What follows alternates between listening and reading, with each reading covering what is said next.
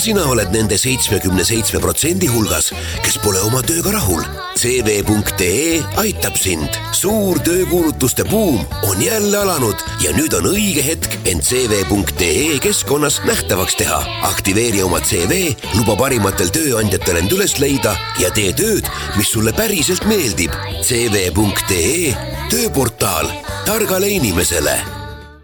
Kuku Raadios välja öeldud seisukohad ei pea ühtima Kuku Raadio seisukohtadega. Te kuulate Kuku Raadiot.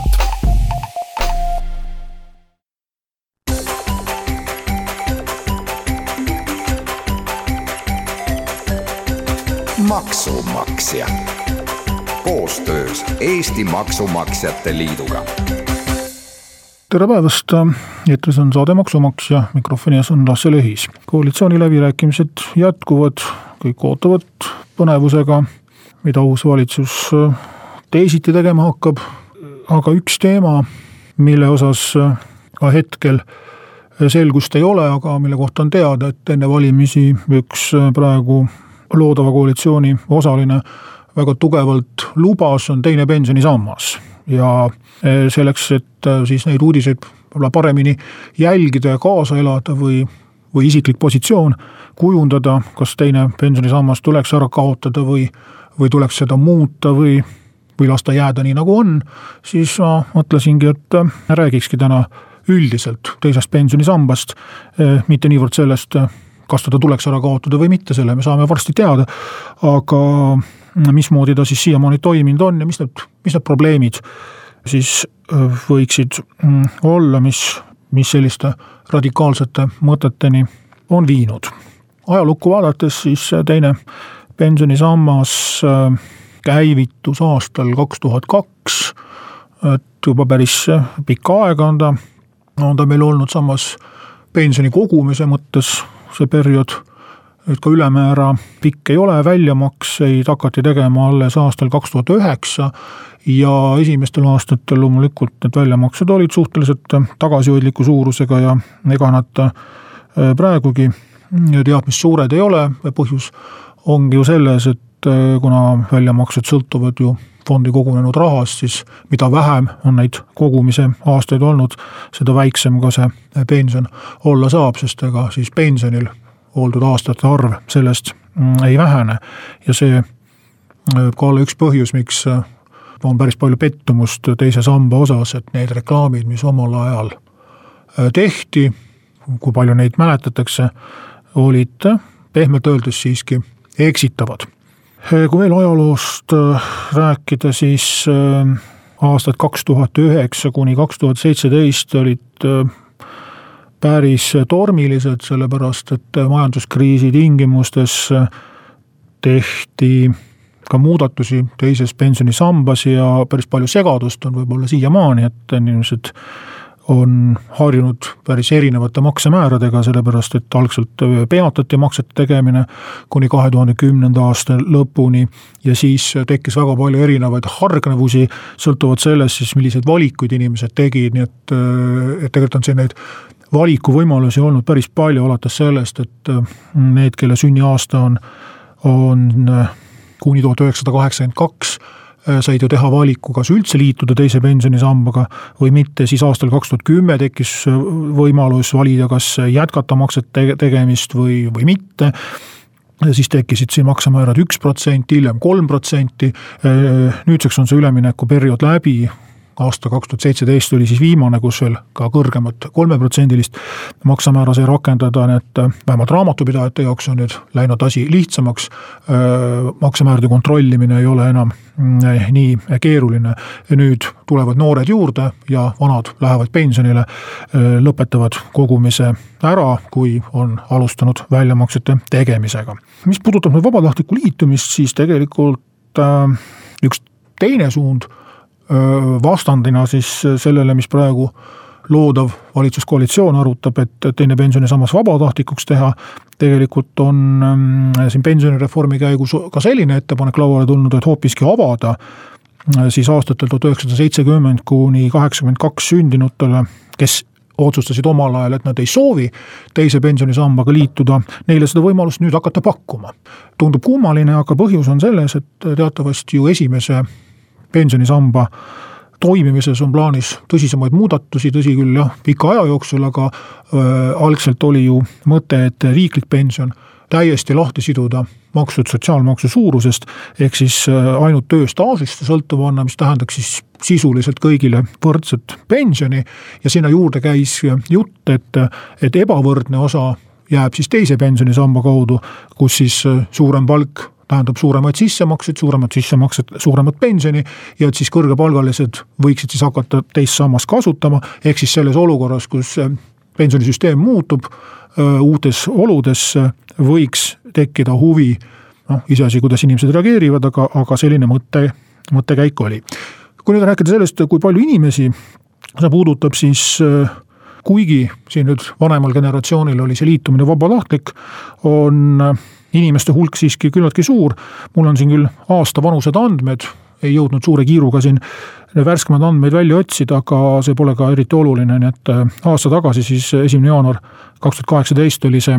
liitunute arv äh, üle seitsmesaja tuhande inimese. see aga ei tähenda sugugi seda, et nad kõik maksavad, sellepärast et kui noor inimene saab kaheksateist aastat vanaks, siis äh, käib ta võib-olla alles veel koolis ja palka ei saa, siis kohustatud isik kogumispensioni seaduse mõttes ta juba on, aga sissemakseid veel ei laeku, nii et kuuskümmend kaks protsenti oli tegelikult siis neid, kes siis tööl käisid, palka said ja kelle eest raha fondidesse laekus. maksumäär on siis teatavasti kaks protsenti, mis palgast kinni peetakse ja sinna juurde neli protsenti siis tööandja poolt makstavast, makstava sotsiaalmaksu osast liigub samuti pensionifondi. mida võib-olla vähem teatakse, on see, et sellisel juhul nende inimeste puhul kes on teise sambaga liitunud, väheneb siis ka esimese eh, samba ehk riikliku pensioni koefitsient. muidugi, kui tulevikus need palgaerisused ja sotsiaalmaksust sõltuvus ära kaotatakse, siis,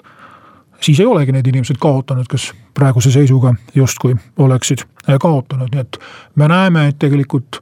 pensionisüsteem, mis peaks väga pikk ja stabiilne olema, on te tegelikult ikkagi küllaltki palju Eestis selle lühikese aja jooksul äh, kõikunud ja tekitanud ebakindlust. Äh, lapsevanematele on üks eraldi säte, kus siis äh, kuni kolmeaastase lapse vanema eest maksab riik siis pensionifondi neli protsenti Eesti keskmisest palgast, ehk see ei sõltu siis vanemahüvitise suurusest ega konkreetselt selle lapsevanema enda sissetulekust. selline regulatsioon kehtib alates aastast kaks tuhat kolmteist. enne seda, kui laps on sündinud enne esimest jaanuari kaks tuhat kolmteist, makstakse üks protsent vanemahüvitisest, mis siis sellele lapsevanemale maksti.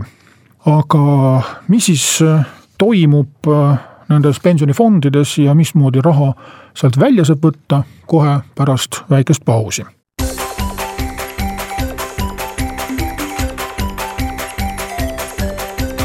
maksumaksja koostöös Eesti Maksumaksjate Liiduga. saade Maksumaksja räägib täna pensionifondidest ja teisest pensionisambast, mille kohta on mm, avaldatud arvamust, et võiks selle teha vabatahtlikuks või kui päris mitte ära kaotada, siis radikaalselt reformida. ja kriitika on eelkõige just tingitud sellest, et pensionifondides kogunenud raha ei tooda eriti suurt tootlust ja kurdetakse ka seda, et fondi valitsejad teenivad liiga kõrget tasu ja suurt midagi selle raha eest ei tee. mismoodi need pensionifondid siis välja näevad, jällegi aastat tagused andmed siis kahe tuhande kaheksateistkümnenda aasta seisuga oli teise samba pensionifondidesse vara kokku kogunenud kolm koma kuuskümmend kolm miljardit eurot. see on siis see raha, mida potentsiaalselt tahetakse siis inimestele tagasi anda. ja aastane juurdekasv mm, kogumispensioni makse, mis siis kinni peetakse inimeste palkadest aastal kaks tuhat kaheksateist oli sada kolmkümmend kaheksa miljonit eurot ja kaks korda sama palju, ehk siis kakssada seitsekümmend kuus miljonit eurot mm, sotsiaalmaksu arvelt tuli juurde, nii et see on siis selline minimaalne juurdekasv, mis iga aasta sinna fondidesse läheb. edasi, fonde on võimalik valida kahe tuhande kaheksateistkümnendal aastal statistika ütleb siis seda, et umbes kuuskümmend kaheksa tuhat inimest vahetas pensionifondi ja umbes kuuskümmend kaks tuhat inimest võttis teise fondi kõrvale ja kakskümmend kolm fondi oli, mille vahel valida sai. ja siis nelja tüüpi fonde, konservatiivsed fondid on siis sellised, kes investeerivad ainult võlakirjadesse ja edasi siis sõltuvalt sellest, kas fondid võivad siis kuni kakskümmend viis protsenti, kuni viiskümmend protsenti või kuni seitsekümmend viis protsenti varast investeerida aktsiatesse, nimetatakse neid siis kas mõõdukateks, progressiivseteks või agressiivseteks. Ja aktsiatesse investeerimine tähendab seda, et riskid on suuremad, ehk siis fondi osaku väärtus võib tõusta, võib langeda, väga lihtne rusikareegel on see, et mida lähemal pensionieale, seda mõistlikum on valida siis konservatiivne fond, tootlus on küll väike, aga, aga vähemalt ei lähe miinusesse ja nooremad võivad siis selliseid, nagu kunagi reklaamis öeldi, äkilisemaid fonde kasutada. nüüd aga jõuame siis selleni, et kogume, kogume, aga kas siis midagi sealt tagasi ka saame ja millal ja kuidas. tingimused on siis järgmised, vanaduspensioni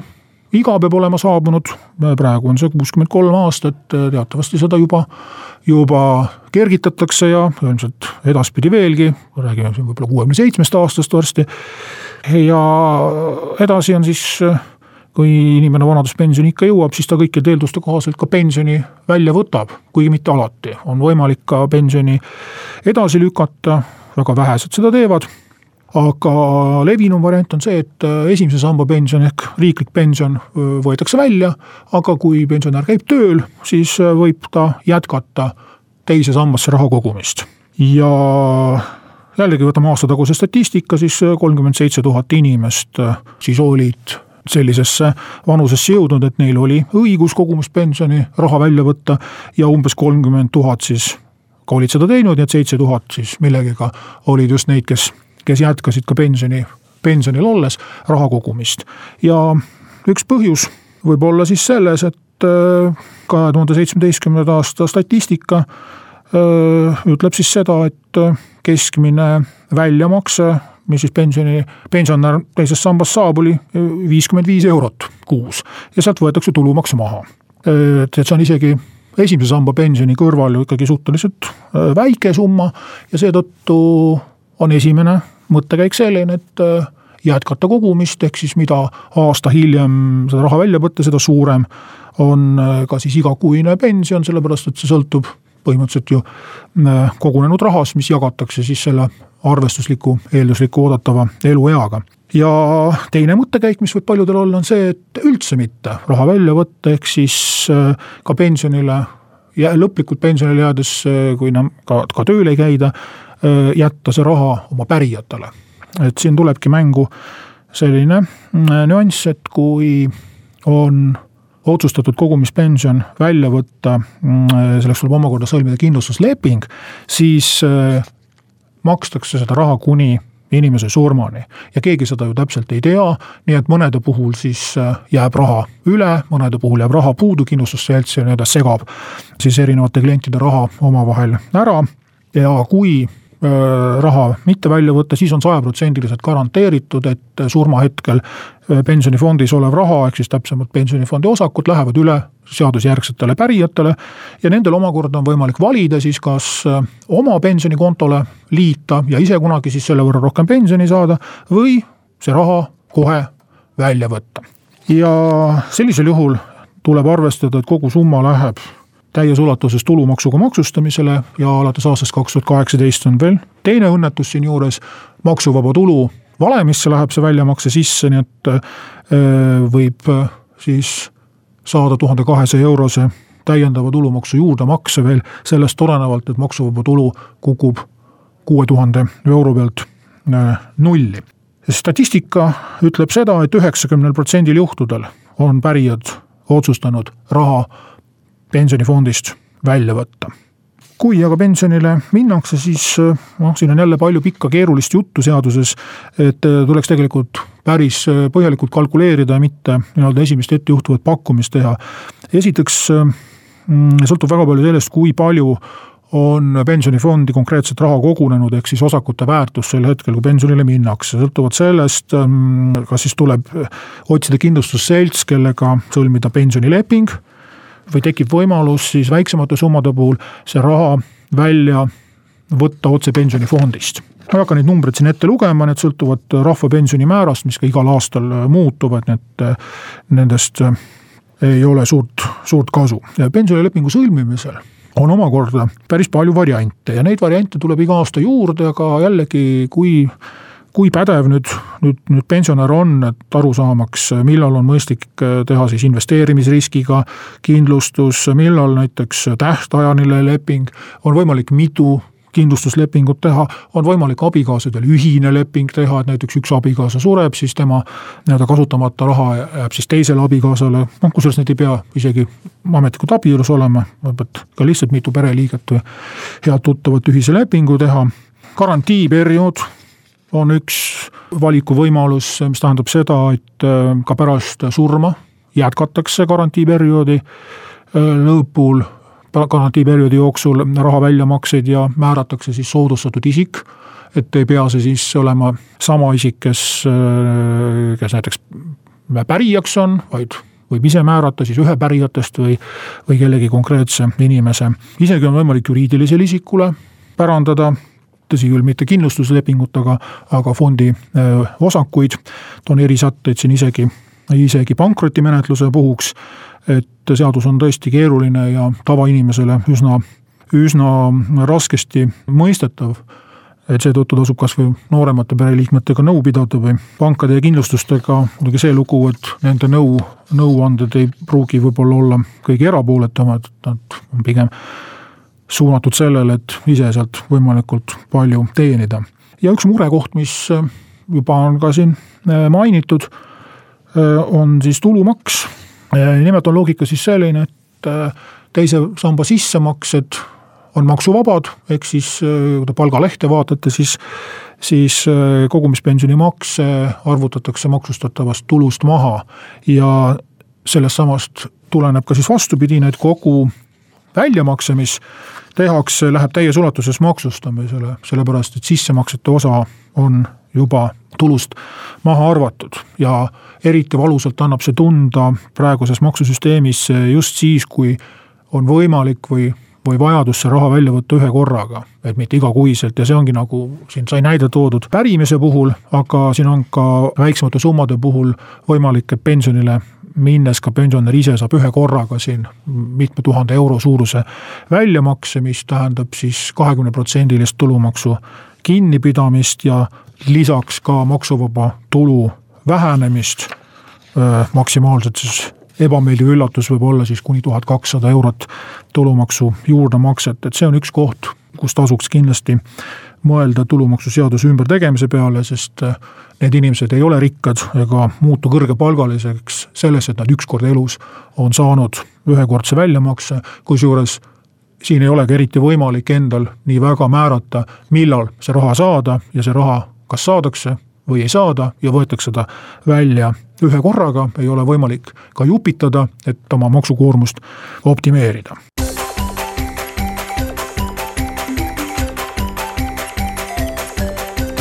Maksumaksja. Koostöös Eesti Maksumaksjate Liiduga